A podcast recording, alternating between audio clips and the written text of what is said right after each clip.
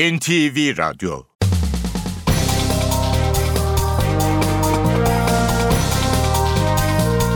İşe Giderken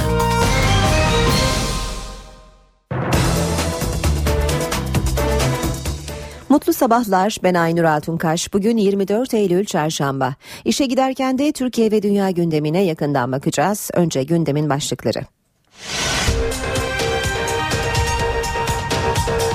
Cumhurbaşkanı Recep Tayyip Erdoğan, Amerika Birleşik Devletleri ve Arap müttefiklerinin IŞİD operasyonu için aralıksız devam etmeli dedi. Türkiye'nin operasyonlara siyasi ve askeri destek verebileceğini söyledi. Amerika Birleşik Devletleri Dışişleri Bakanı John Kerry, Türkiye'nin IŞİD'le mücadelede ilave çabalar yürütmeye hazır olduğunu açıkladı. Dışişleri Bakanı Mevlüt Çavuşoğlu 75 civarında ülkeden binin üzerinde yabancı savaşçıyı sınır dışı ettiklerini söyledi. Başbakan Ahmet Davutoğlu Irak ve Suriye için iki ayrı tezkere hazırlanacağını açıkladı. Suriye'den Türkiye'ye son 4 günde geçenlerin sayısı 140 bine yaklaştı. Şiddetli fırtına tüm yurtta etkili oldu. İstanbul Şişli'de fırtınanın söktüğü inşaat iskelesinin altında kalan 5 kişi yaralandı. Balıkesir'de bir gezi teknesi battı. Marmara'da deniz ulaşımı bir süre aksadı. Batman'da hortum oluştu. İstanbul Sancaktepe'de bir kadın hakkında uzaklaştırma kararı bulunan eşi tarafından öldürüldü. İşe Giderken gazetelerin gündemi.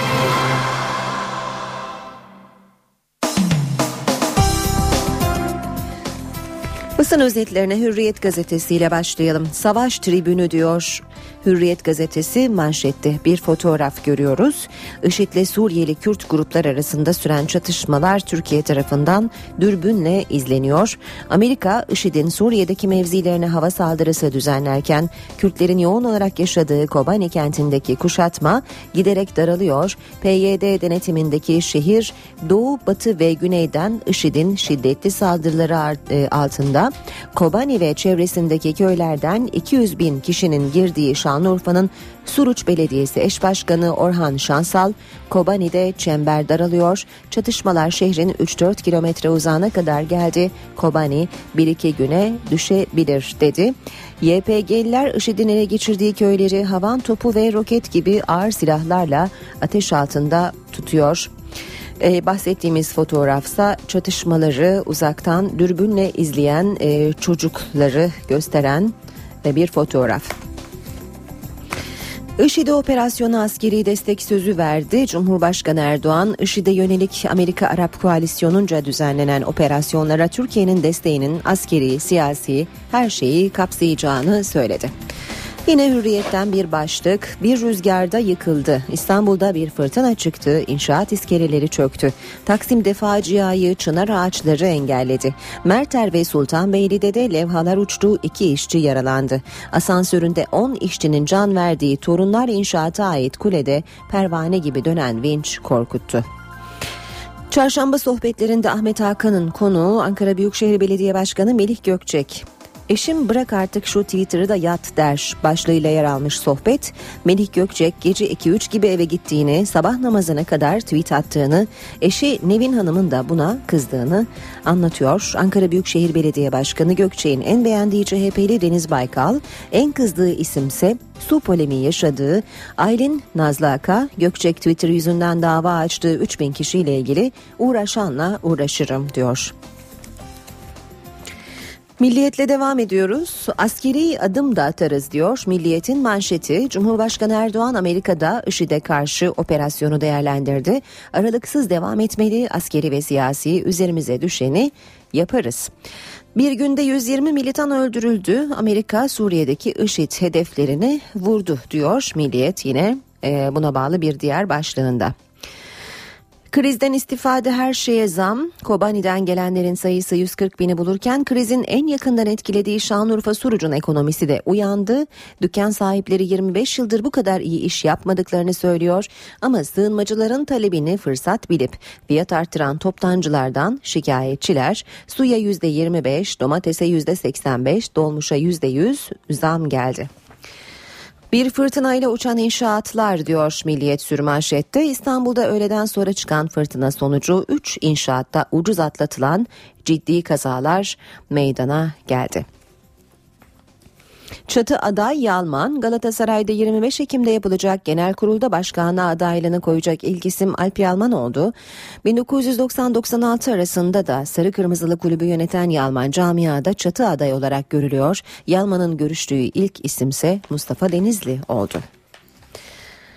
Sabah gazetesine bakalım.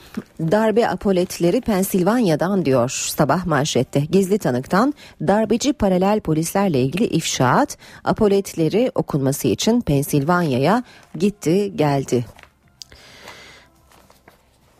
Vatan gazetesine bakalım. Vatanda aralıksız vurulmalı diyor manşet. IŞİD operasyonuna tam destek. Erdoğan operasyon ara vermeden devam etmeli dedi. Türkiye'nin de askeri ve siyasi her türlü desteği vereceğini söyledi. 6 ülke 50 uçak 135 füze dünün bilançosu diyor Vatan gazetesi haberinde. 400 bin planı bir diğer başlık. IŞİD'den kaçan 8 bin Suriyeli daha Türkiye'ye sığındı. 5. günde sayı 140 bine çıktı. Birleşmiş Milletler Mülteciler Yüksek Komiserliği Kobani'deki 400 bin kişinin tamamının Türkiye'ye sığınma ihtimaline karşı acil durum planı hazırladıklarını açıkladı. Faciayı polis önledi. Taksim'de inşaat iskelesi rüzgarda çöktü. Tehlikeyi görüp trafiği kesen polis İstanbul'u kurtardı. 9 katlı Surp Agop Hastanesi inşaatının iskelesi dün yola devrildi. 4 araç enkaz altında kaldı. Biri ağır 5 kişi yaralandı. Motorize trafik polisleri Mürsel Aydoğdu'yla Ekrem Yıldız'ı tehlikeyi fark edip trafiği kesti. Kırmızı ışıktaki araçları hızla geçirdi. İki halk otobüsüyle dört otomobil son anda kurtuldu. Narkotik timinde anneler de olacak. Davutoğlu Bonzai'ye karşı her mahallede özel tim kurulacağını söyledi. Pedagoglar, anneler bu timde olacak, satıcı terörist muamelesi görecek dedi. HSYK'nın 3 üyesi tamam. Yargıtay HSYK'ya göndereceği 3 asıl üyeyi dün belirledi. Yakup Ata 201, Kerim Tosun 196 ve Mustafa Özçelik 193 oy alarak HSYK'nın yeni üyeleri oldu. Danıştay 29 Eylül'de 2 üye seçecek. Cumhuriyet Manşette Türkiye cephede diyor Cumhurbaşkanı Erdoğan IŞİD'e karşı askeri, lojistik ve siyasi destek verileceğini söyledi. Türban 10 yaşa indi. Milli Eğitim Bakanı Nabi Avcı kılık kıyafet yönetmeliğinden çıkarılacak başı açık ifadesinin sadece ortaokul ve liseleri kapsayacağını söyledi. Bu durumda 9,5-10 yaşındaki kız çocuklar türbanla okula girebilecek. Avcı anaokulu ve ilkokul söz konusu değil dese de yönetmelik anaokulunu, ilkokulu, ortaokulu ve liseyi kapsıyor. Bakanlığın siyasi sembol içeren fular, bere, şapka, çanta ve benzeri giysileri giyemez hükmünü de yönetmelikten çıkaracağı öğrenildi deniyor haberin ayrıntılarında. Ankara'dan Esat şartı bir başka başlık. Utku Çakırözer'in haberi hem Amerika Birleşik Devletleri'ne hem Kobani'de sıkışan PYD'ye kritik mesaj. Başbakan Yardımcısı Yalçın Akdoğan Amerika ve koalisyon ortaklarının Suriye'de IŞİD ve Nusra'yı vurduğu sıcak saatlerde Cumhuriyete konuştu. Akdoğan Türkiye'nin Suriye konusunda pek çok uyarı yaptığını söyleyerek herkes birbiriyle savaşıyor. Sadece havadan bombardıman yapmak meseleyi çözmüyor. Sizin genel Suriye senaryonuz nedir? Kiminle iş tutarak bir neticeye ulaşmak istiyorsunuz dedi.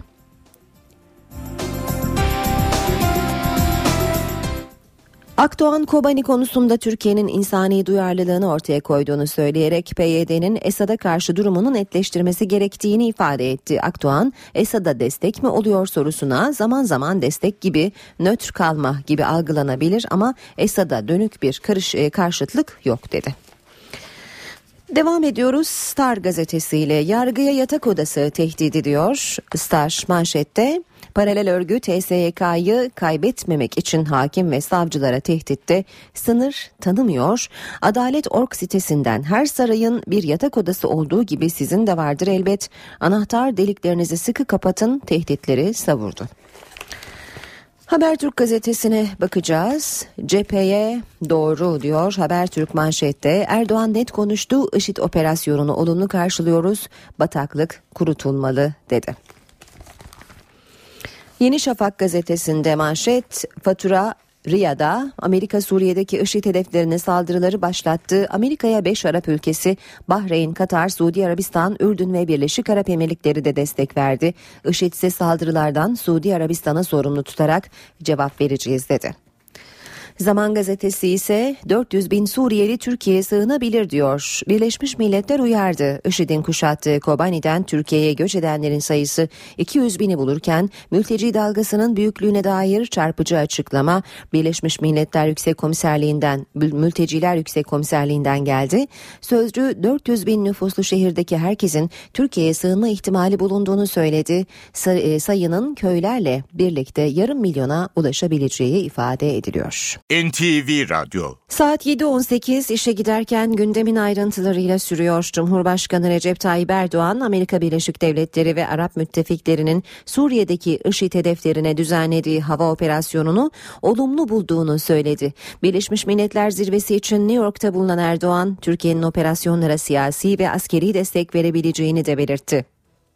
Alacağımız karar çerçevesinde buradaki desteğimizi sürdüreceğiz. Adımlarımız askeri bir operasyonu da kapsayacak mı acaba? Her türü kapsar. Askeri, siyasi hepsi. Cumhurbaşkanı Recep Tayyip Erdoğan, Amerika Birleşik Devletleri önderliğindeki koalisyonun IŞİD'e karşı yürüttüğü operasyona desteğini bu sözlerle açıkladı. Cumhurbaşkanı Erdoğan, Türkiye'nin bu çabalara destek konusunda elinden geleni yapacağını söyledi. Ona göre üzerimize düşen görev neyse terörle mücadelede e, bunu yapmaya tabii ki biz de üzerimizde düştüğü şekliyle e, adımlarımızı atacağız. İnşallah döndükten sonra hükümetimizle de bu görüşmeleri yapacağız. Suriye'deki IŞİD hedeflerinin vurulmasına ilişkin görüşleri sorulan Cumhurbaşkanı Erdoğan, olumlu buluyoruz, aralıksız devam etmeli dedi. Ve bu hedeflere yönelik atılmış olan bu adım özellikle bölgedeki terör örgütlerine karşı yapılmış bir eylem olarak bizim de tabii olumlu yaklaştığımız bir adımdır. Bunun tabii böyle hani bir olup ondan sonra ardından şöyle ciddi bir ara verilmesi yanlış olur diye düşünüyorum. Bu yol haritasının kararlılıkla sürdürülmesi gerekir. Başbakan Ahmet Davutoğlu Amerika Birleşik Devletleri'nin Suriye operasyonunu değerlendirirken bölgede kalıcı barış ve istikrarın sağlanması için adım atılmasının önemine vurgu yaptı.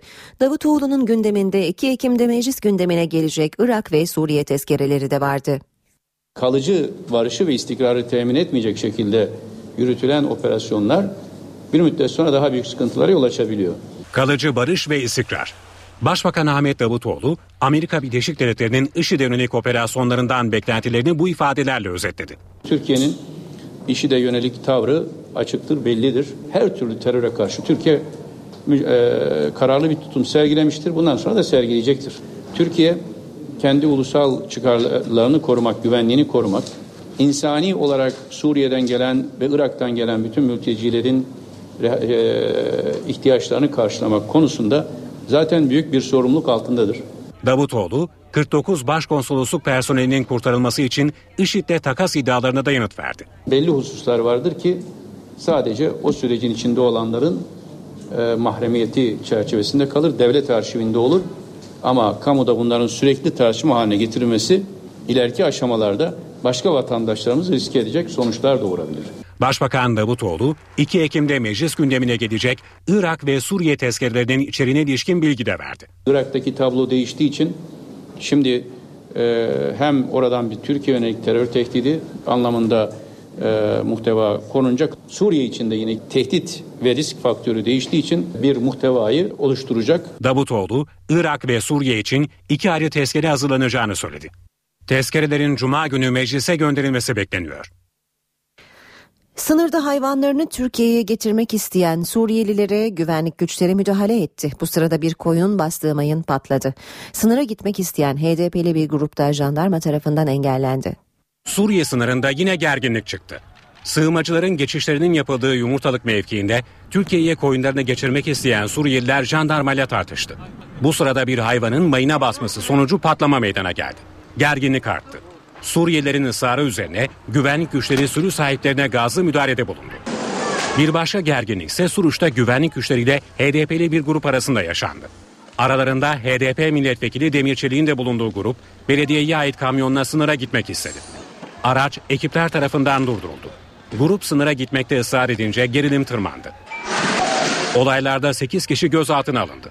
IŞİD'in saldırılarından kaçan Suriyelilerin Türkiye'ye girişi de sürüyor. Yumurtalık mevkiinde bir süredir kapalı olan sınırın açılmasıyla Suriyelilerin alımına yeniden başlandı. Geçişler artık tek kapıdan yapılıyor. Ancak Amerika Birleşik Devletleri'nin IŞİD'e yönelik saldırıları nedeniyle gelen Suriyelilerin sayısı azaldı. IŞİD köyleri gelip insanları öldürüyor, evleri yakıyorlar. Amerika'nın IŞİD'e yönelik saldırılarına çok sevindik. Ancak bunun devam etmesi gerekir. Suriyeliler kayıt işlemlerinin ardından geçici konaklama merkezlerine sevk edildi. Son göç dalgası Suruc'un nüfusunu ikiye katladı. IŞİD saldırılarından kaçarak Türkiye'ye sığınan Suriyelilerin büyük bölümü Şanlıurfa Suruc'a yerleşti. İlçede her noktada Suriyelileri görmek mümkün. Park ve bahçeler, düğün salonları hatta boş depolar. Suruç merkezinde adeta adım atacak yer yok. Her yer Suriyelilerle dolup taşıyor. Kobani kentine hedef alan IŞİD saldırısından kaçan yaklaşık 140 bin Suriyelinin büyük bölümü Şanlıurfa Suruç'a yerleşti. 70 bin kişilik Suruç'un nüfusu bir anda ikiye katlandı. Sadece ilçe merkezindeki düğün salonunda 400 Suriyeli konaklamaya başladı. Suriyelilere ilçe sakinleriyle Diyarbakır Büyükşehir Belediyesi 3 öğün yemek dağıtımı yapıyor. Kent merkezindeki parklarda konaklayan Suriyeliler ise kalacak yer arayışına girdi. İlçede nüfus yoğunluğuyla birlikte trafik sorunu da başladı. Zabıta ve polis ekipleri zaman zaman tıkanan trafiği açmaya çalışıyor. IŞİD nedeniyle memleketlerini terk eden Suriyelilerin Suruç'tan sonra ikinci durağı İstanbul oldu. Şanlıurfa İstanbul otobüsleri çoğunlukla savaştan kaçan Suriyelileri taşıyor. Suriye'den Türkiye'ye göç dalgası sürüyor. Son 4 günde sınırdan geçenlerin sayısı 140 bine yaklaştı. Sınırdaki güvenlik önlemleri sığınmacılar için atılacak yeni adımlar Başbakanlıktaki göç dalgası toplantısında masaya yatırıldı. Toplantıya Başbakan Yardımcısı Numan Kurtulmuş başkanlık etti. Edinilen bilgiye göre bundan sonra her ay daha geniş katılımla Ankara'da Suriye toplantısı gerçekleştirilecek. HDP milletvekilleri Başbakan Yardımcısı Yalçın Akdoğan'la bir araya geldi. Çözüm sürecinin konuşulduğu toplantıdan sonra açıklama yapan Sırrı Süreyya Önder, çözüm süreci zorlayıcı bir aşamaya geldi. Bu ancak net siyasi tutumlarla aşılabilir dedi. HDP heyeti Başbakan'dan da randevu talep etti. Başbakan Yardımcısı Yalçın Akdoğan HDP heyetiyle görüştü. Sarı Süreyya Önder, Pervin Buldan ve İdris Balıköl'ün katıldığı görüşme bir saat sürdü. Gündemde çözüm süreci vardı. Gerek çözüm süreci gerek bölgedeki Rojava bağlantılı gelişmeler üzerinden bir görüşme yaptık. İmralı'ya e, gideceğiz gitmeden önce e, bu görüşmeleri yapmak istiyoruz. Çözüm sürecinin zorlayıcı bir aşamaya geldiğini savunan Önder, hükümetten taleplerini sıraladı. Sayın Öcalan'ın e, müzakere aşamasına geçmek için e, vurguladığı e, sekreteriya başta olmak üzere e, diğer düzenlemelerin süratle hayata geçirilmesi sürecin selameti ve akıbeti açısından belirleyici bir önemde. Önder'e Kobani'deki son durum da soruldu. Çatışma bu meselesinin topraklarımıza yansımamasını ve bu sorunun ebediyen gündemimizden çıkıp gitmesini istiyorsak e, biz oradaki o doğal reflekslere değil e, onun hemen 300 metre ilerisinde yaşanan vahşi katliama odaklanmamız lazım. Cumhurbaşkanı Recep Tayyip Erdoğan'ın New York temaslarının ikinci gününde yüklü bir programı vardı. Cumhurbaşkanı Birleşmiş Milletler İklim Zirvesi'nde konuştu. Ardından İran, Irak, Filistin ve İtalya liderleriyle ikili görüşmeler yaptı. Erdoğan daha sonra Obama çiftinin ev sahipliğindeki resepsiyona katıldı ve Birleşmiş Milletler Genel Sekreterinin verdiği çalışma yemeğiyle programını noktaladı. Cumhurbaşkanı Recep Tayyip Erdoğan'ın 69. Birleşmiş Milletler Genel Kurulu için gittiği New York'taki ikinci gün mesaisi yoğun geçti. Erdoğan güne Birleşmiş Milletler İklim Zirvesi'nin açılış toplantısıyla başladı. Cumhurbaşkanı Erdoğan iklim zirvesinde konuşma yaptı. İklim değişikliğiyle mücadele uluslararası ve ulusal ölçekte doğru politikaların belirlenmesini ve uygulanmasını zorunlu kılıyor. Birleşmiş Milletler İklim Değişikliği Çerçeve Sözleşmesi kapsamındaki görüşmeler bu bakımdan büyük önem taşıyor. Erdoğan daha sonra devlet ve hükümet başkanlarıyla ikili görüşmeler gerçekleştirdi. İran Cumhurbaşkanı Hasan Ruhani ve Irak Cumhurbaşkanı Fuat Masum'la görüştü. Erdoğan ardından Filistin lideri Mahmut Abbas'la bir araya geldi. Cumhurbaşkanı Erdoğan'ın Avrupalı liderlerle ilk görüşmesi İtalya Başbakanı Matteo Renzi ile oldu. Sonraki görüşmeler Romanya, Slovenya ve Gürcistan başbakanlarıylaydı. Mısır medyası tarafından Erdoğan'ın Mısır Cumhurbaşkanı Abdülfettah Es-Sisi ile görüşme yapacağı yönündeki iddialar ortaya atılmıştı. Bu iddialar Cumhurbaşkanlığı tarafından yalanlandı. Cumhurbaşkanı daha sonra Amerikan Başkanı Barack Obama ve eşinin ev sahipliği yaptığı resepsiyona katıldı. Cumhurbaşkanı daha sonra Birleşmiş Milletler Genel Sekreteri Ban Ki-moon'un ev sahipliği yaptığı çalışma yemeğine katıldı. Erdoğan bugün 69. Birleşmiş Milletler Genel Kurulu'na katılacak. Cumhurbaşkanı daha sonra Letonya, Tunus, Lübnan liderleriyle ikili görüşmeler yapacak. İşe giderken İstanbul'da dün kısa süreli fırtına inşaatları vurdu. Şişli'de bir inşaat iskelesi çöktü. Sultanbeyli'de yapımı süren bir binanın çatısı uçtu. Merter'de de inşaat bariyerleri yola devrildi. 7 kişi yaralandı, bir kişinin durumu ağır. Sultan Gazi'de de kurban pazarındaki çadırlar uçtu. Şiddetli fırtına dün tüm yurdu etkisi altına aldı. Devrilen ağaçlar nedeniyle yaralananlar oldu. Balıkesir'de bir gezi teknesi battı. Batman'da ise hortum vardı. Batman'da hortum çıktı. Batman çayı kenarında etkili olan hortum anız ateşinin yayılmasına neden oldu. Alevler güçlükle söndürüldü. Yurdun diğer kesimlerinde de şiddetli fırtına vardı. Bursa'daki Botanik Park'ta bir ağaç 44 yaşındaki işçi Nuri Alkan'ın üzerine düştü. Başından yaralanan Alkan hastaneye kaldırıldı. Rüzgar nedeniyle Bursa Uludağ arasındaki teleferik seferleri de iptal edildi. Ayasofya Camii'nin karşısında bulunan çınar ağacının dalları koparak etrafa savruldu. Park halindeki araçlar hasar gördü. Bilecik'te de Hürriyet Mahallesi'ndeki bir anaokulunun çatısı uçtu. Elektrik direkleri yerinden söküldü.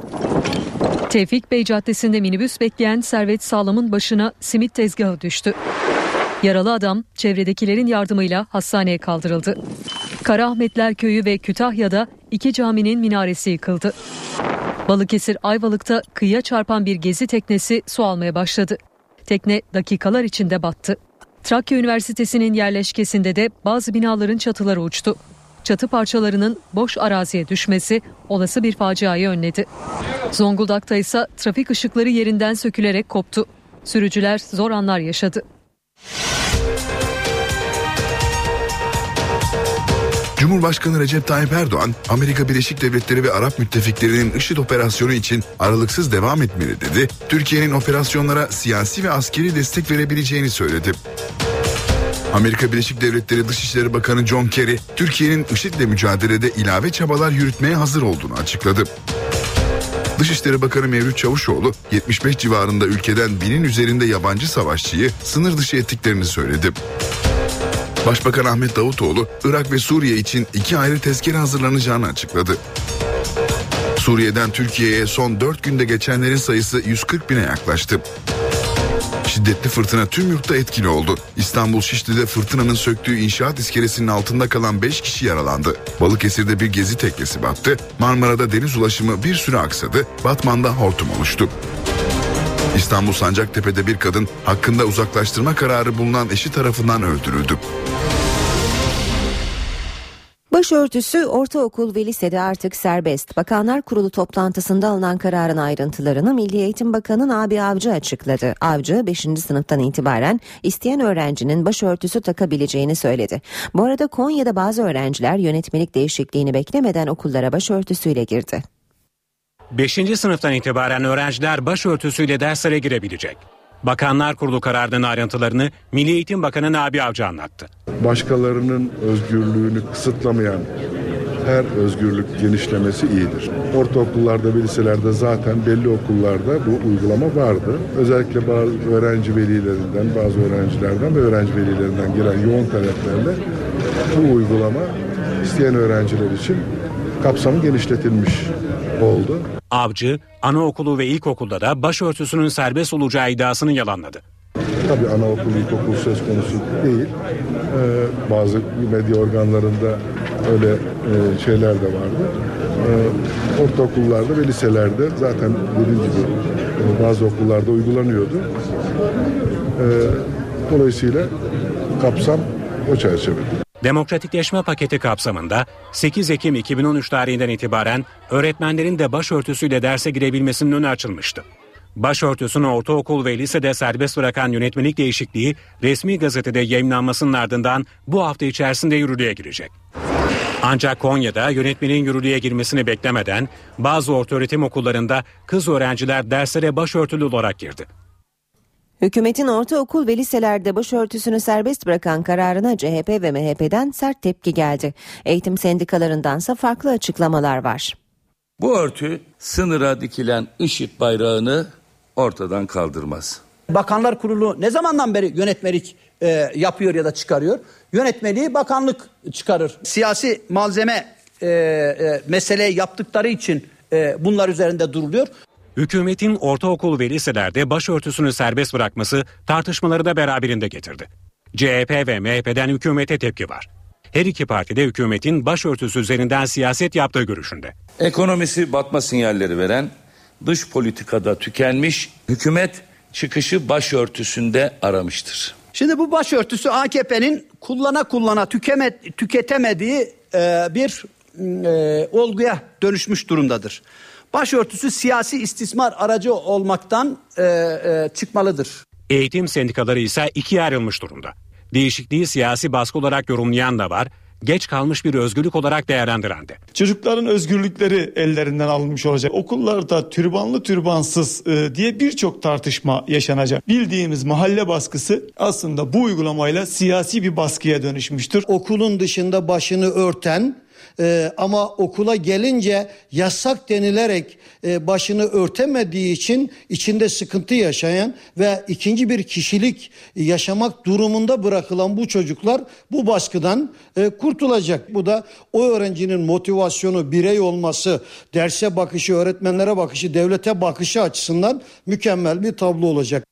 TEOK'ta son hafta nakil başvuruları yarın saat 17'ye kadar devam edecek. Sonuçlarsa cuma akşamı açıklanacak. TEOK'ta 5 haftadır devam eden nakil süreci bu hafta son bulacak. Öğrenciler son tercihlerini yarın mesai bitimine kadar tamamlayacak. Milli Eğitim Bakanlığı yerleştirme sonuçlarının cuma günü saat 19'da açıklanacağını bildirdi. Milli Eğitim Bakanlığı'nın bugün boş kontenjanlara ilişkin açıklama yapması bekleniyor. İşe giderken spor haberleriyle devam edecek spor haberleri başlıyor.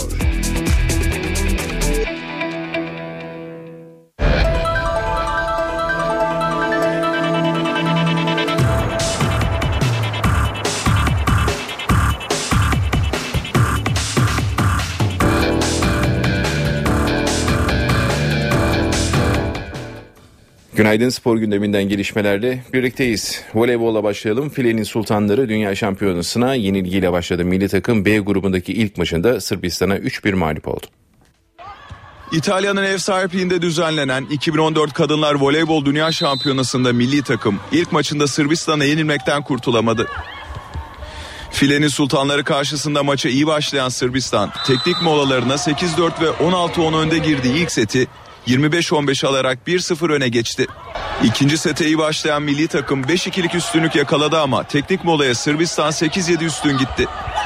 Mola sonrasında savunmada daha iyi bir performans sergileyen filenin sultanları 13-12 üstünlüğü eline geçirdi.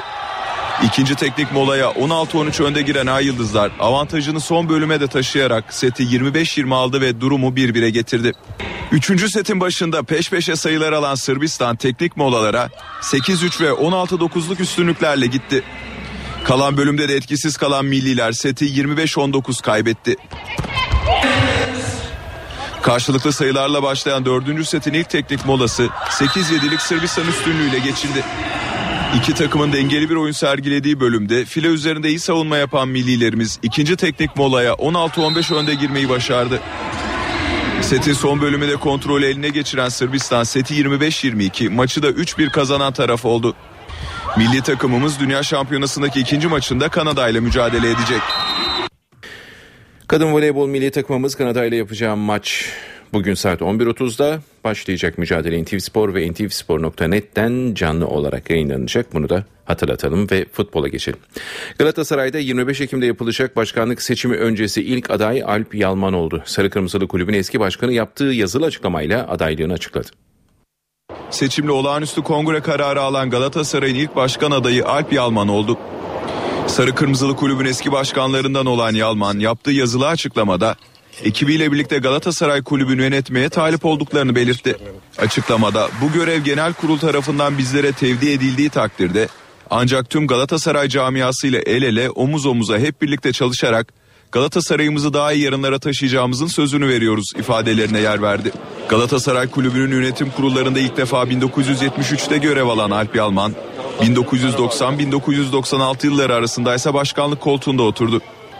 Sarı Kırmızılı takım Yalman döneminde ikişer defa lig şampiyonluğu, Türkiye Kupası ve Cumhurbaşkanlığı Kupası kazandı. Galatasaray Teknik Direktörü Cesare Prandelli kadroda rotasyona gidiyor. İtalyan teknik adam eleştirilerin odağındaki Selçuk İnan'ı Sivasspor maçına kulübeye çekmeyi planlıyor. Galatasaray Teknik Direktörü Cesare Prandelli Sivasspor maçı öncesi takımda değişiklik yapacak. Şampiyonlar Ligi ve Spor Toto Süper Lig'de üst üste yaşanan puan kayıpları İtalyan teknik adamı kadroda revizyon yapmaya itti. Cesare Prandelli, Anderlet maçında sarı kırmızılı taraftarın protesto ettiği Selçuk İnan'ı bu hafta yedek bırakmayı planlıyor. İtalyan çalıştırıcı bir süredir formsuz olan milli futbolcuyu Arsenal maçını da düşünerek dinlendirmek istiyor. Prandelli böylece Selçuk İnan üzerindeki baskıyı da azaltmış olacak.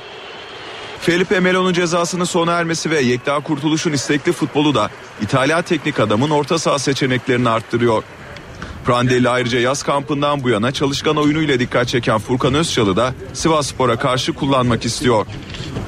Orta sahayı Yekta, Melo, Cemail ve Snyder'den oluşturmayı planlayan Cesare Prandelli, forvet hattında Burak Yılmaz'ın yanında antrenmanda Olcan adını denedi. Balıkesir spor maçının kadrosuna alınmayan Olcan'ın çalışmada Burak'la uyumu dikkat çekti. Prandelli Sivas'ta Burak'ın yanında Umut ya da Olcan ikilisinden birini kullanacak. İtalyan teknik adamın Bruma'yı ise ikinci yarıda sahaya sürmesi bekleniyor. Türk sporunun sorunları İstanbul'da masaya yatırıldı. Gençlik ve Spor Bakanı Akif Çağatay Kılıç spor basınının yöneticileriyle bir araya geldi. Gençlik ve Spor Bakanı Akif Çağatay Kılıç İstanbul'da spor basınının yöneticileriyle bir toplantı yaptı. İstinye Amatör Spor Kulüpleri Federasyonu'nda gerçekleşen toplantıda Türk sporunun durumu masaya yatırıldı. Kılıç ilk olarak futbola değindi ve marka değerinin önemine vurgu yaptı. Futbolumuzun marka değerini yükseltmek için belli başlı unsurların bir araya gelmesi gerekiyor. Bunların içerisinde bizim attığımız bazı adımlarla şu anda e, farklı çalışmalar da var. Ama en önemlisi futbol camiasının içerisinde bulunan yöneticisinden sporcusuna, seyircisine, e, teknik adamından hatta ve hatta yardımcı personellere kadar herkesin bu işte elini taşının altına koyması gerekiyor.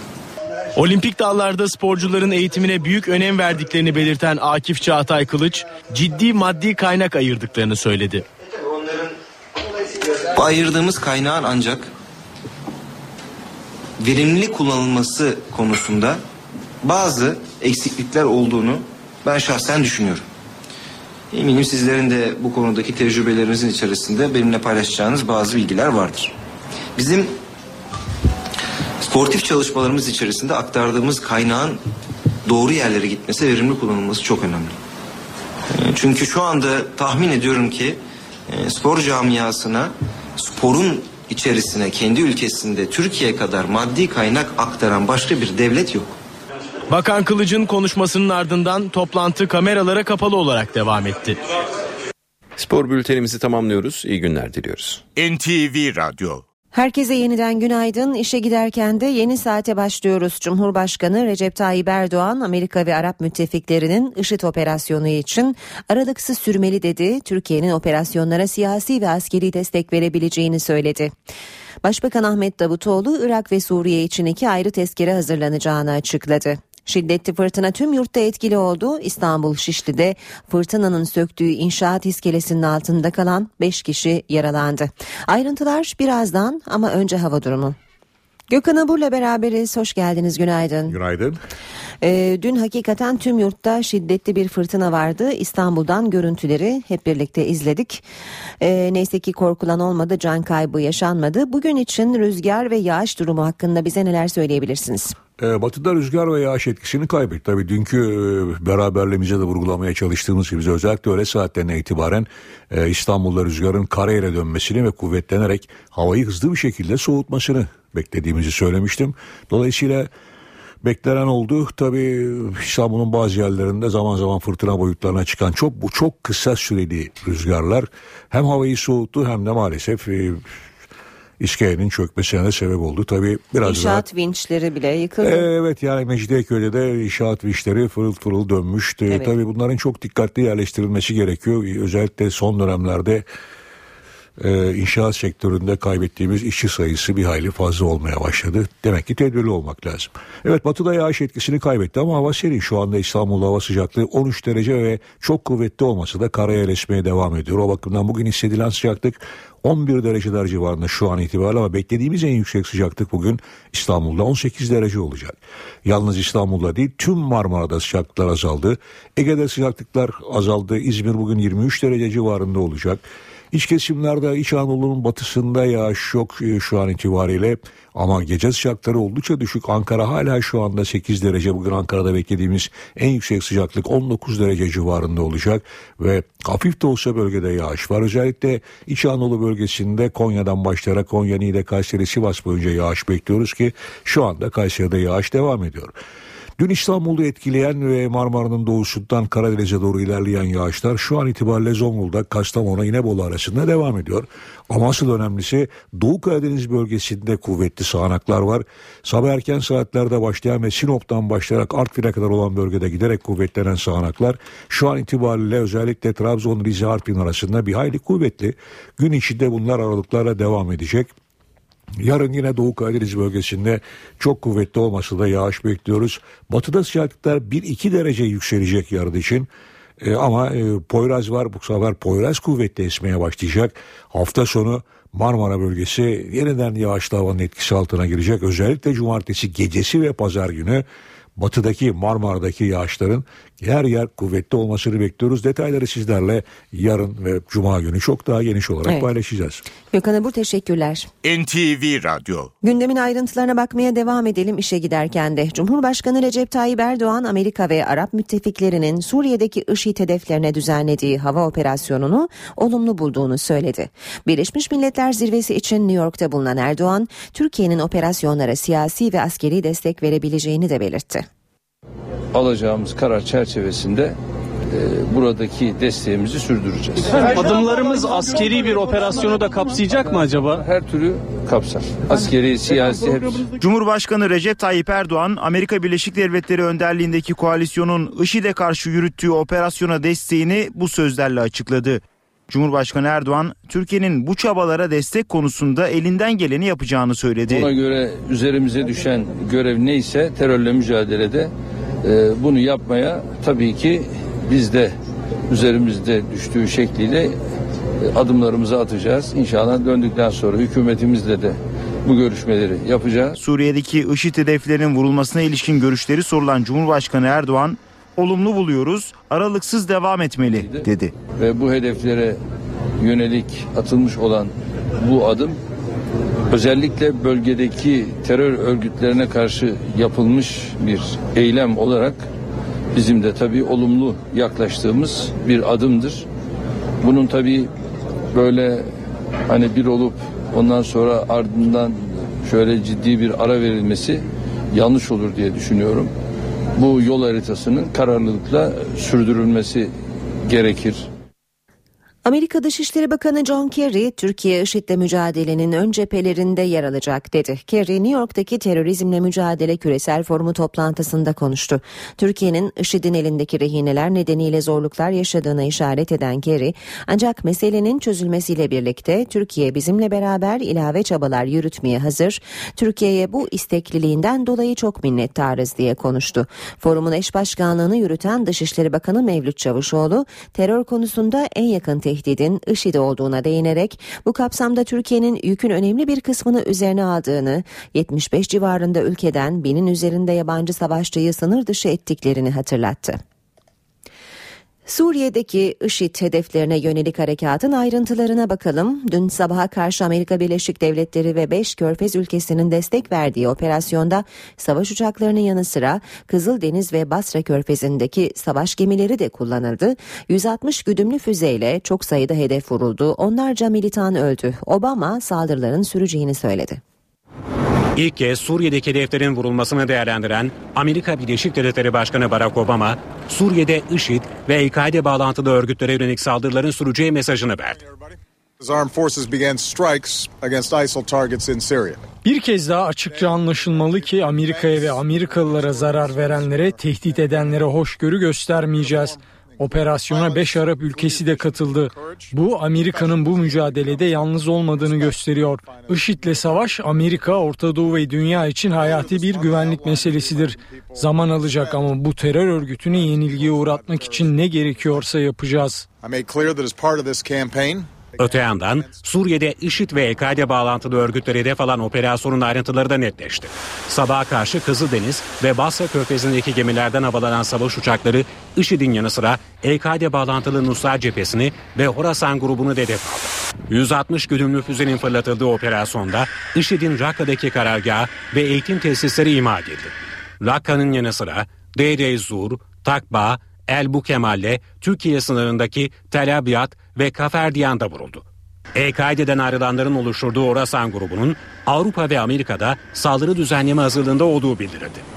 Sadece Amerika Birleşik Devletleri ordusunun sahip olduğu radara yakalanmayan F-22'ler ilk kez bir operasyonda kullanıldı. Belirlenen hedeflere savaş gemilerinden Tomahawk füzeleri de fırlatıldı. Operasyona Suudi Arabistan, Ürdün, Katar, Bahreyn ve Birleşik Arap Emirlikleri de destek verdi. Amerika Birleşik Devletleri, Birleşmiş Milletler ve Irak aracılığıyla Esad yönetimini operasyondan haberdar etti. Şam yönetimine harekata katılan savaş uçaklarına müdahale etmemesi yönünde uyarı yapıldı. Birleşmiş Milletler Suriye'den Türkiye'ye yönelik geçişlerle ilgili olarak 400 bin kişi için hazırlık yaptıklarını açıkladı. Açıklama İsviçre'nin Cenevre kentinde Birleşmiş Milletler Mülteciler Yüksek Komiserliği Sözcüsü Melissa Fleming'den geldi. Fleming, Kobani'de yaşayan 400 bin kişinin tamamının Türkiye'ye geleceği ihtimaline karşı planlar yapıldığını belirtti. Irak Şam İslam Devleti örgütü IŞİD, Kobani'nin çevresindeki köyleri ele geçirmiş durumda. Suriye'den de Türkiye'ye 5 günde 140 bin kişi 140 bin kişi geçti. İşe giderken Hakimler ve Savcılar Yüksek Kurulu seçim sürecinde ilk sandıklar Yargıtay'da kuruldu ve HSYK'da görev alacak 3 asıl 3 yedek belirlendi. Hükümet tarafından desteklendiği belirtilen Yargıda Birlik platformunun hiçbir adayı yeterli oyu alamadı. Yeni HSYK'nın ilk 3 üyesi belirlendi. Yargıtay kontenjanından HSYK'da görev yapacak 3 isim için üyeler sandık başına gitti. 13 adayın yarıştığı seçimde Yakup Ata 201, Mustafa Kemal Özçelik 193 ve Kerim Tosun da 196 oy alarak HSYK'da Yargıtay'ı temsil edecek isim olarak belirlendi. Seçimde Salih Sönmez, Alp Arslan ve Ali Er Yılmaz da yedek üyeler olarak belirlendi.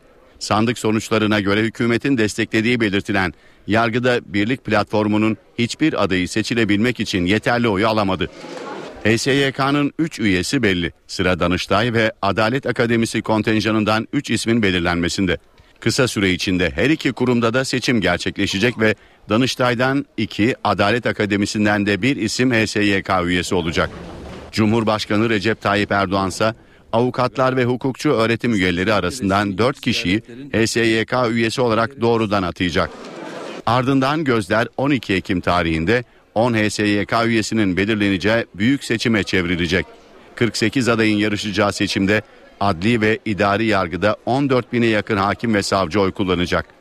30 Mart yerel seçimleriyle ilgili itirazlar devam ediyor. İstanbul Kağıthane'de yapılan incelemede 3500 oyun CHP'den AK Parti'ye aktarıldığı anlaşıldı. CHP Kağıthane İlçe Başkanı Zeynel Öztürk'ün başvurusu üzerine ilçe seçim kurulu 36 sandıkta inceleme yaptı. 3500 oyun CHP yerine AK Parti'ye yazıldığı ortaya çıktı.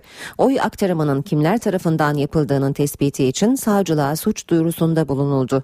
Kağıthane Belediyesi'ni 30 Mart seçimlerinde AK Parti kazanmıştı. Şiddetli fırtına İstanbul'da etkili oldu. Hızı saatte 80 kilometreyi bulan fırtına nedeniyle inşaat paravanları yıkıldı. Çatılar uçtu. Fırtına nedeniyle Taksim'deki 10 katlı inşaatın iskelesi çöktü. İskelenin altında kalan 5 kişi yaralandı. Yaralılardan biri 8 yaşında Suriyeli bir çocuk ve durumu ağır. Sultanbeyli'de ise okul inşaatının çatısı uçtu. Olayda 2 kişi yaralandı. Merter'de de inşaatı çevreleyen güvenlik bariyerleri araçların üzerine uçtu. Çok sayıda araç araç zarar gördü. Merter E5 yan yolu bir süre trafiğe kapandı. Şiddetli fırtına dün tüm yurdu da etkisi altına aldı. Devrilen ağaçlar nedeniyle yaralananlar oldu. Balıkesir'de bir gezi teknesi battı. Batman'da ise hortum vardı. Türkiye en çok iş kazası yaşanan iki sektör inşaat ve maden alanında uluslararası standartlara geçiyor. Meclise sevk edilen ILO sözleşmeleri mevcut risklerin azaltılmasını hedefliyor. İskele ve merdivenler konusunda da önlemler var. Yük asansörlerinin güvenlik önlemleri daha sık olacak. Güvenli maden ocakları için adım atılacak. İnşaatlara kaliteli ve güvenli iskeleler kurulacak. Türkiye iş kazasının en yoğun olduğu sektörler için harekete geçti. Uluslararası Çalışma Örgütü'nün inşaat ve maden işlerine yönelik güvenlik ve sağlık sözleşmeleri meclis başkanlığına sunuldu. İnşaat işleri İLO sözleşmesinde yük asansörleri konusunda yeni kriterler yer alıyor. İnşaat asansörleri kullanım amacına göre tasarlanıp sağlam ve dayanıklı malzemeyle yapılacak. Yasayla belirlenmiş sürelerde denetlenecek. Asansörleri bu konuda eğitim almış işçiler çalıştırabilecek. Maden İşleri İLO Sözleşmesi de Soma faciasıyla bir kez daha gündeme gelen yeraltı güvenliği konusunda işverenlere dönük önemli yaptırımlar içeriyor. Madenlerde yeterli solunum cihazı bulunması zorunlu olacak. Yer altındaki her çalışma alanı için yeryüzüne iki çıkış bulundurulacak. Yeterli havalandırmanın sağlanması, yangınların başlamasının ve yayılmasının önlenmesi için uygun tedbirler alınacak. Tehlikeli bir durum oluştuğunda faaliyetlerin durdurulması ve işçilerin güvenli yere tahliye edilmesi sağlanacak. İnşaatlara iskele ve merdiven kurulumu konusunda da hassasiyet gösterilecek. İşçilere işin ve risklerin yapısı göz önüne alınarak uygun kişisel koruyucu donanım ücretsiz olarak sağlanacak. İşçiler olası kazalara ve yakalanabilecekleri hastalıklara karşı bilgilendirilecek. Ayrıca işçi güvenliği ve sağlığı için tehlike olduğunu düşündüğü bölgeyi terk edebilecek. Başarılarımıza adeta bir sünger çeken Soma olayı ve asansör faciası karşısında dilimiz tutuldu. Bu açıklama Çalışma ve Sosyal Güvenlik Bakanı Faruk Çelik'ten geldi. Çelik, meclise sevk edilen inşaat ve maden işleri İLO sözleşmelerinin hedefini anlattı. Çalışma hayatında son gelişmeler toplantısına katılan Çelik, Ekim ayında genel kurul gündemine gelecek sözleşmelerle iş sağlığı ve güvenliği konusunda farkındalık oluşturmayı amaçladıklarını söyledi. İş sağlığı güvenliği konusunun sadece yasal bir konu değil, insani ve vicdani bir sorumluluk olduğunu vurguladı. Çelik, bu önümüzdeki düzenlemelerde ceza geliyor ama teşvik de getiriyoruz. Bu konuda hassasiyet ve farkındalığı oluşmuş iş adamıyla oluşmamış iş adamı arasında fark olması gerekiyor diye konuştu. Doğuş grubu Soma'da hayatını kaybeden madencilerin çocuklarına üniversite bursu sağlayacak. Doğuş grubu yönetim kurulu başkanı Perit Şahenk, Milli Eğitim Bakanlığı ile protokol imzaladı. Protokole göre Doğuş grubu hali hazırda üniversitelerde eğitim gören ve bu yıl üniversiteye başlayacak öğrencilerle beraber şu an lise son sınıfta okuyan, üniversiteye hazırlanan öğrencilere de burs vererek eğitim masraflarının karşılanmasına katkıda bulunacak. Ayrıca kazada hayatını kaybeden madencilerin ailelerinin ikamet edeceği 301 konut inşa edilecek. TÜSİAD Yönetim Kurulu Başkanı Haluk Dinçer, Cumhurbaşkanı Recep Tayyip Erdoğan'ın yüksek istişare toplantısına katılmasını CNBC canlı yayınında değerlendirdi. Davet amacına ulaşmıştır diyen Dinçer, faiz uyarısında da bulundu. Sayın Cumhurbaşkanı'nın TÜSİAD Yüksek İşare Konseyi toplantısına bir evet. kere gelmesi her şeyden önce çok önemli bir adımdır. Geçmişte olan bitenle ilgili tespitlerde, görüşlerde farklılıklar olabilir. Bu da çok doğaldır demokrasilerde. TÜSİAD Başkanı Haluk Dinçer, Cumhurbaşkanı Recep Tayyip Erdoğan'ın Yüksek İstişare Konseyi toplantısına katılmasını bu sözlerle değerlendirdi. Dinçer, Cumhurbaşkanı'nın diyalog çağrısına vurgu yaptı. Önemli olan Sayın Cumhurbaşkanı ile TÜSİAD arasında bir diyaloğun e, oluşması ve bu anlamda da kendisinin de TÜSİAD'dan beklentilerini orada net bir şekilde ortaya koyması. Dolayısıyla ben gayet olumlu bir adım olarak değerlendiriyorum. Zaten toplantıda bu anlamda bu davette amacına ulaşmıştır diye düşünüyorum. Bu anlamda TÜSİAD'ın da hem deneyiminden hem vizyonundan paylaşma arzusunu e, belli etmiştir. Şu anda Türkiye'nin önündeki tüm engeller nelerse, Türkiye'nin ilerlemesinin, kalkınmasının ne engeller varsa bunları birlikte söküp atalım demiştir. TÜSİAD Başkanı faiz uyarısı yaptı. Ekonominin öngörülebilirliği açısından yatırımcı için bu önemlidir. Çok. Yani yüzde onlara gelmiş, çifthaneye dayanmış. Bizi psikolojik olarak da etkileyebilir. O meşhur bizim eski yıllardaki evet. o kısır döngüye sokabilir. Aynen. Başkan Dinçer, Merkez Bankası'nın özel bir kuruluş olduğunu vurguladı. 2015 enflasyon hedefinin %5 olduğunu hatırlatarak %9'dan %5'e nasıl ineceğini merakla bekliyoruz dedi. İstanbul'daki bazı meydanlarda seyyar simit tezgahları yasaklandı. Yasağa gerekçe olarak haksız bir şekilde paylaşıldığı savunulan rant gösterildi. Simitçiler tepkili. Burak Özcan'ın özel haberi. En çok tüketilen yiyeceklerden biri simit. İstanbul'da Mecidiyeköy, Kabataş, Karaköy gibi işlek noktalardaki simit satıcıları yasakla karşı karşıya. Meydanlarda satışa izin verilmiyor. Gerekçe haksız bir şekilde oluştuğu iddia edilen rant. Biraz ilerisi Mecidiyeköy meydanı. Orada duran simitçiler hala duruyorlar mı?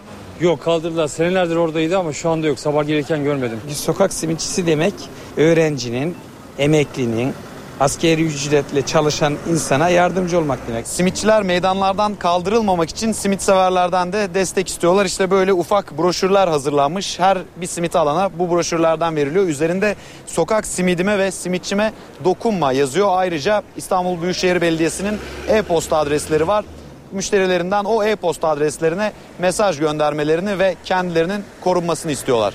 Dubleks evde oturan çok sayıda tezgahı olan simitçi bulunduğu yönündeki açıklamaya ise tepki var. İnsanlar dubleks evde oturamazlar mı? E niye mülkiyet düşmanlığı yapıyorlar? Benim müdürüme ben e, kınıyorum. Böyle bir düşüncesi çok yanlış. Belediye başkanımıza da rica ediyorum. Esnafla ilgili bir karar alınca ilk önce bizi göndersinler beraber bunu tartışalım. Sonra kaosu yaratmayalım. Taze gevrek simit buyurun. Sizin var mı dubleks Efendim hayır kesinlikle yok. Ee, Yani ben şu anda 30-40 simitle geçinen bir insanım. Başka gelirim yok, emekliliğim yok. Hani evim yok. İstanbul Büyükşehir Belediyesi'ne göre düzenleme yeni. İzni olan simitçiler yakında meydanda satış yapabilecek. Saat 8.26 NTV Radyo'da beraberiz. Şimdi ekonomiden notlara bakacağız. Önce Profesör Doktor Güngör Uras bize ekonomiden haberler verecek. Ayşe teyze ne yapsın? Uras, Ayşe teyze ekonomide olan biteni anlatıyor. Merhaba sayın dinleyenler, merhaba Ayşe Hanım teyze, merhaba Ali Rıza Bey amca. 2013 yılında ülke genelinde 3100 gazete yayınlandı. 3100 gazete baya çok sayıda bir gazete. Bunların sadece 180'i ulusal gazete. Ulusal gazeteler ülke genelinde dağıtımı yapılan, okunan gazeteler. Şimdilerde hemen her yerleşim bölgesinde, her yerleşim yerinde bir veya birden fazla yerel gazete yayınlanıyor. Hatta birkaç yerleşim bölgesi bir araya geliyor. Bölgesel gazeteler çıkarıyorlar. Yerel olarak yayınlanan gazete sayısı 2800. Dikkatinizi çekerim. 2800 yerel gazete var. Bölgesel gazete sayısı da 100 dolayında. Ülkede yayınlanan gazetelerin %6'sı ulusal, %94'ü yerel ve bölgesel gazeteler. Türkiye genelinde 3100 gazete yayınlanıyor ama bunların sadece 480'i günlük yayın. Kalanı haftalık veya daha uzun süreli yayınlanan gazeteler. Yayınlanan gazetelerin %90'ı ise siyasi içerikli gazeteler. Yerel ve bölgesel gazete sayısının fazlalığının arkasında ulusal gazetelerin ülkenin değişik köşelerinde olan biteni sayfalarına taşıyamamalarının büyük etkisi var. İnsanlar yaşadıkları şehirlerdeki, yaşadıkları bölgelerdeki olan biteni daha iyi takip etmek istiyorlar. İşte bunun sonucu olarak da yerel, bölgesel gazetelerin sayısı artıyor. Yerel ve bölgesel televizyon kanalları kuruluyor. Ülke genelinde yayınlanan gazete sayısı 3100 iken dergi sayısı 4000. Dergilerin 2300'ü ulusal, kalanı yerel ve bölgesel dergiler. Siyasi, güncel haber içerikli dergi sayısı 300 dolayında. Bunları edebiyat dergileri, tarih, bilim, bileşim, teknik, eğitim ve ekonomi, ticaret, finans içerikli dergiler izliyor. Gazete ve dergilerin yayın bölümlerinde 51 bin kişi çalışıyor. Bir yıl önce çalışan sayısı 54 bin iken çalışan sayısında bir yılda önemli bir gerileme görüldü. Yayın bölümünde çalışanların %35'i kadın, %65'i erkek. Görülüyor ki basın sektörümüz hala erkek egemen bir sektör durumunda. Bir başka söyleşide birlikte olmak ümidiyle şen ve esen kalınız sayın dinleyenler. Uras'a sormak istediklerinizi ntvradio.ntv.com.tr adresine yazabilirsiniz. Bu bölümün sonunda piyasalara da bakalım. BIST 100 endeksi dün %0,26 değer kaybıyla 76.668 puandan kapandı. Bu sabah dolar 2.24, euro 2.87'de, euro dolar 1.29, dolar yen 109 düzeyinde. Altının onsu 1223 dolar, kapalı çarşıda çeyrek altın 144, Cumhuriyet altını 592 lira, Brent petrolün varili 97 dolar. Cumhurbaşkanı Recep Tayyip Erdoğan, Amerika Birleşik Devletleri ve Arap müttefiklerinin IŞİD operasyonu için aralıksız devam etmeli dedi. Türkiye'nin operasyonlara siyasi ve askeri destek verebileceğini söyledi. Amerika Birleşik Devletleri Dışişleri Bakanı John Kerry, Türkiye'nin IŞİD'le mücadelede ilave çabalar yürütmeye hazır olduğunu açıkladı. Dışişleri Bakanı Mevlüt Çavuşoğlu 75 civarında ülkeden binin üzerinde yabancı savaşçıyı sınır dışı ettiklerini söyledi. Başbakan Ahmet Davutoğlu Irak ve Suriye için iki ayrı tezkere hazırlanacağını açıkladı.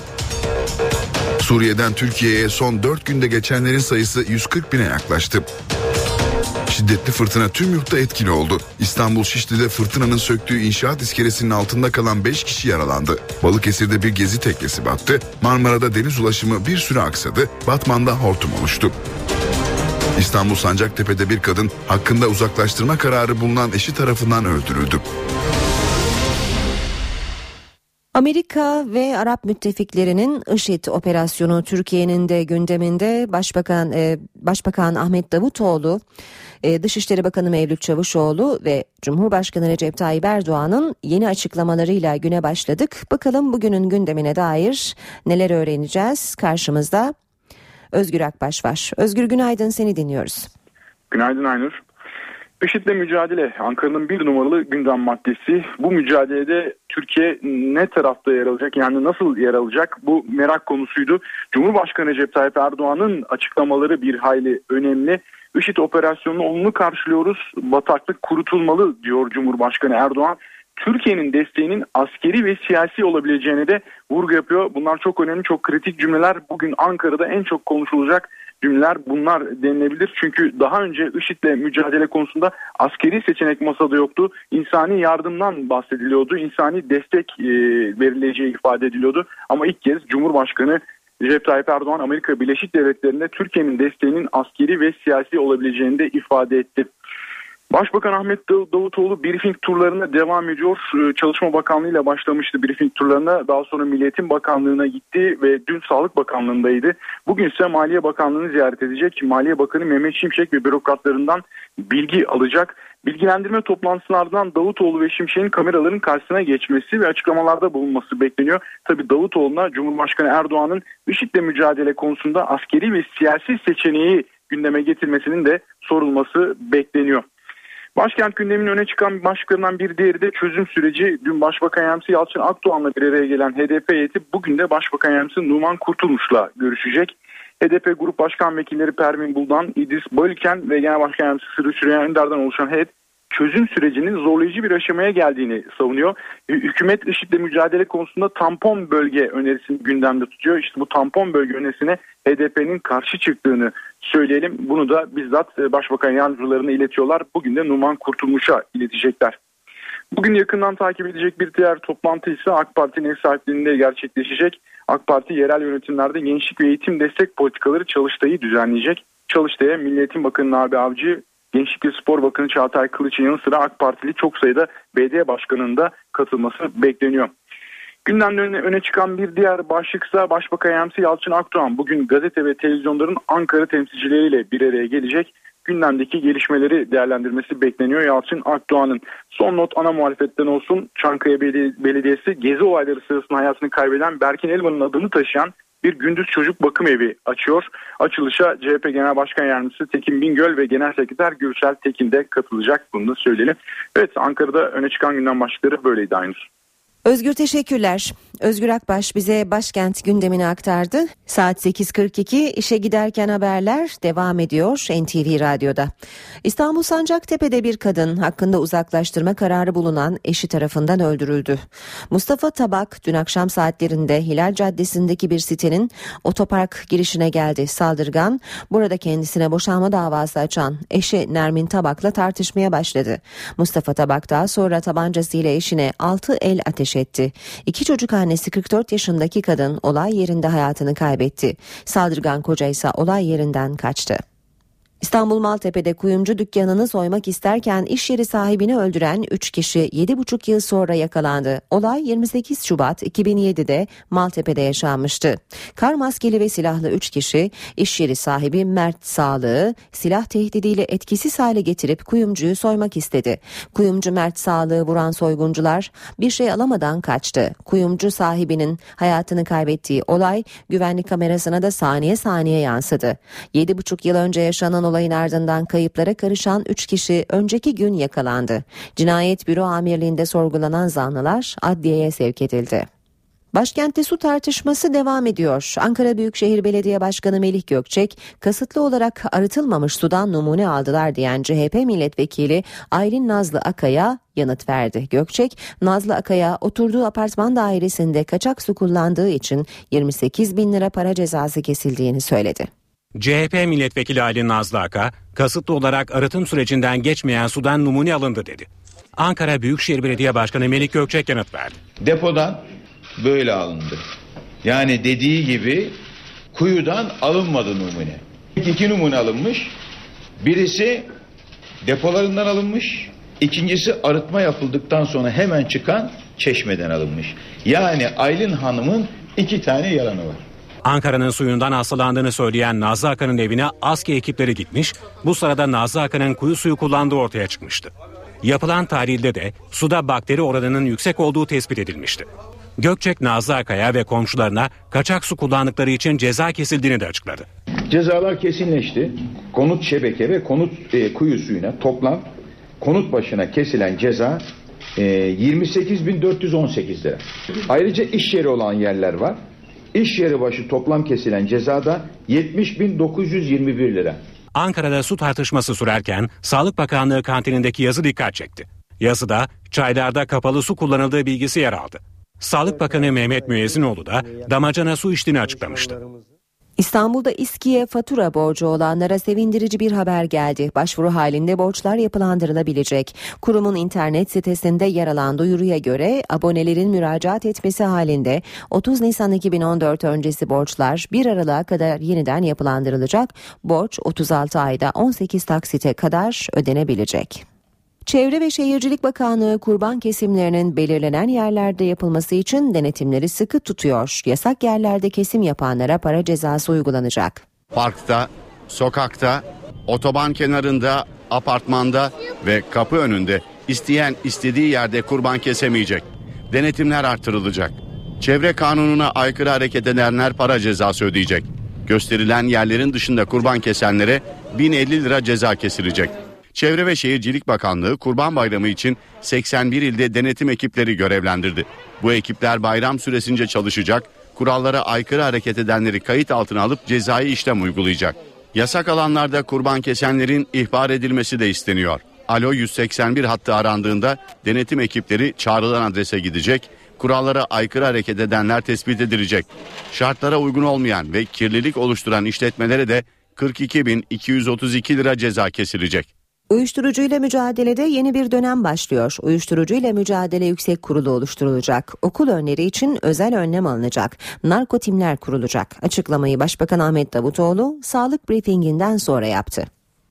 Başbakan Yardımcımız Başkanlığında bir uyuşturucu mücadele yüksek kurulu. Çünkü biz bunu terörle mücadele gibi ciddi aldığımız mesele görüyoruz. Hükümet uyuşturucuyla mücadele planında ilk adımı attı. 8 bakanın katılımıyla uyuşturucuyla mücadele yüksek kurulu oluşturulacak. Sokağın hakimi bu çetelere bu sokağı bırakmayacağız. Mahallelerimize giremeyecekler. Başbakan Ahmet Davutoğlu planın ayrıntılarını Sağlık Bakanlığı'nda aldığı briefingden sonra açıkladı. Önce okullarda önlem alınacak. Okullarımızın yanına yaklaşamayacaklar. Nasıl bir terörist yaklaşırsa ne muamele görüyorsa aynı muameleyi görecekler. Bu çeteleri mahallelerimize sokmayacağız. Ailelerimizin de annelerimizin özellikle çocuklarına sahip çıkması lazım. Narko timler kuruyoruz. Bu narko timlerin içinde sadece polis timleri değil, psikologlar e, ve buna bunu e, ve gençlik özellikle annelerin de devreye girebileceği çalışmalar e, yürüteceğiz. Büyük şehirlerdeki metruk binaların uyuşturucu kullananlara barınak hale gelmesi engellenecek. Uyuşturucu kullanımı ve satımının engellenmesi için yeni yasal düzenlemeler gerekiyorsa yapılacak. Kısa dönemde gerekli yasal düzenlemeler, Bakanlar Kurulu kararı şeklinde belli ilaçlarla ilgili kararlar tekrar gözden geçecek. Belli ilaçlara erişim imkanı kalmayacak. İzmir'in Karşıyaka ilçesinde üniversite öğrencilerinin burs sorununa çözüm amacıyla belediye vatandaş işbirliğiyle bir proje geliştirildi. Apartman bursu adı verilen projeyle ilçedeki 153 apartmanda yaşayanlar 513 üniversite öğrencisine burs verecek. Pilot uygulamanın yaygınlaştırılması amaçlanıyor. İzmir Karşıyaka Belediyesi eğitim alanında örnek bir projeye imza attı. Belediyenin projesine göre öğrencilere eğitimlerini sürdürdükleri 10 ay boyunca burs verilecek. Burslar Karşıyaka'daki apartman sakinleri tarafından karşılanacak. Her apartmanda bir öğrenci okutuyoruz sloganıyla başlatılan proje için Mavişehir, Atakent ve Yalı semtleri pilot bölge seçildi. Bölgedeki apartman yöneticileriyle görüşülerek 153 apartman belirlendi. Apartman sakinleri üniversiteyi kazanan ve ihtiyaç sahibi 513 öğrenciye 10 ay boyunca 300 liralık burs sağlayacak. Hep bir burs talebi geliyordu bize. Hepinizin bildiği gibi de yerel yönetimler ne yazık ki üniversite öğrencilerine burs veremiyor. O zaman dedik ki biz Karşıyaka halkının bu sosyal duyarlılığını bildiğimiz için de bir araya getirelim. Ve apartman yöneticilerimiz de bu projeye sahip çıktılar. Projeye katılan apartmanların girişine asılacak. Bu apartman üniversite öğrencisi okutuyor tabelasıyla projenin yaygınlaştırılması amaçlanıyor. CHP Genel Başkanı Kemal Kılıçdaroğlu da Türkiye'de bir ilk olan projenin tanıtım toplantısına video görüntüsüyle katılarak projeye destek verdi. Bu haberle işe giderken sona eriyor. Ben Aynur Altunkaş. Saat başında haber merkezi kuşağında buluşmak üzere. Hoşçakalın. NTV Radyo